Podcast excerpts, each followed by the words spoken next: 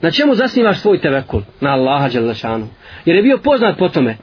Kaže na četiri stvari. Na četiri osobine. Prvo, saznao sam da moju nafaku neće pojesti niko drugi. Pa mi se duša smila na tome. Neće moju nafaku niko drugi pojesti. Drugo, saznao sam da moj posao neće niko drugi uraditi. Pa sam mu se predao. Predao sam se to u svom poslu s kojim želim da zaradim Allahu zadovoljstvo. Zatim, saznao sam da će smrt doći iznenada, pa sam je ja pretekao. Čime je pretekao? Pretekao je dobrim dijelima, pripremio se za smrt. Ne može njega iznenaditi, inša Allah. Dakle, kad god dođe, a doći iznenada svakome, spreman mu'min, spreman da stane pred gospodara svjetova. I četvrto, saznao sam da se ne mogu sakriti nigdje od Allaha Đelešanuhu, pa ga se stidim pa ga se, kad me god duša pokuša navesti na zlo, sjetim se gospodara svjetova. Jer rizk, vjernik je ubijeđen da je Allah odredio na faku. I kaže poslanim sebe, neće umrijeti duša, neće umrijeti insan, dok ne potrši svoj na faku. Nema drugi. Ovaj isti čovjek, jedan put tavafio oko Kabe, pa mu je prišao jedan čovjek i kaže, poduči me jednom kuranskom ajetu. Nauči me.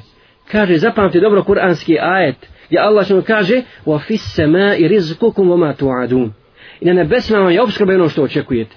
I otišao ovaj čovjek, došao iduće godine na hađ. Na hađ. I prilazi ponovo Hatimu na samu i kaže Tako mi Allaha ja sam se ubijedio u to. Nauči me drugom ajetu. Nauči me, daj mi neki drugi ajet. On mu citira sljedeći. Odmah posle ovog. Fa rabbi sema i wal ard.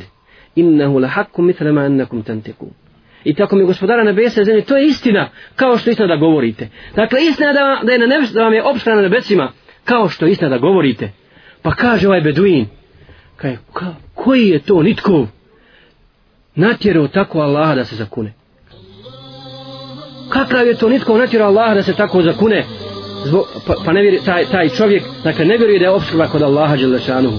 Pa se Allah kune nebesima i zemlje, da je opskrba na nebesima, i ono što je obećano čovjeku što, kao što i da je to istina kao što je istina zatim se ovdje spominje dakle djelo jer djelo djelo odnosno tevekul djelima je najčasnija vrsta tevekula i najjasnija vrsta tevekula osnovno se na Allaha Đalešanu i na vjernik traži Allaha zadovoljstvo misli se dakle na djelo s kojima želi šahiret jer na dunjaluku neko dunjalučko djelo kad čovjek zna da ga neko može drugi uraditi za njega ti ili ja uraditi sve jedno je bit će urađeno onda se razlijeni i svejedno mu međutim ti znaš za ahiretsko djelo ne može niko raditi za tebe ti si s njim zadužen ti si s njim zadužen i ti će zbog toga odgovarati kako kaže uzvišeni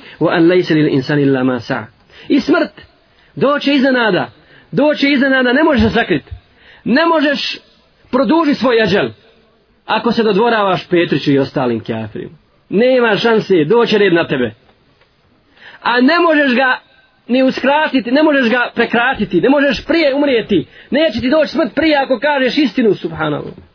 Ako se bori za tu istinu, za te uzvišene ciljeve.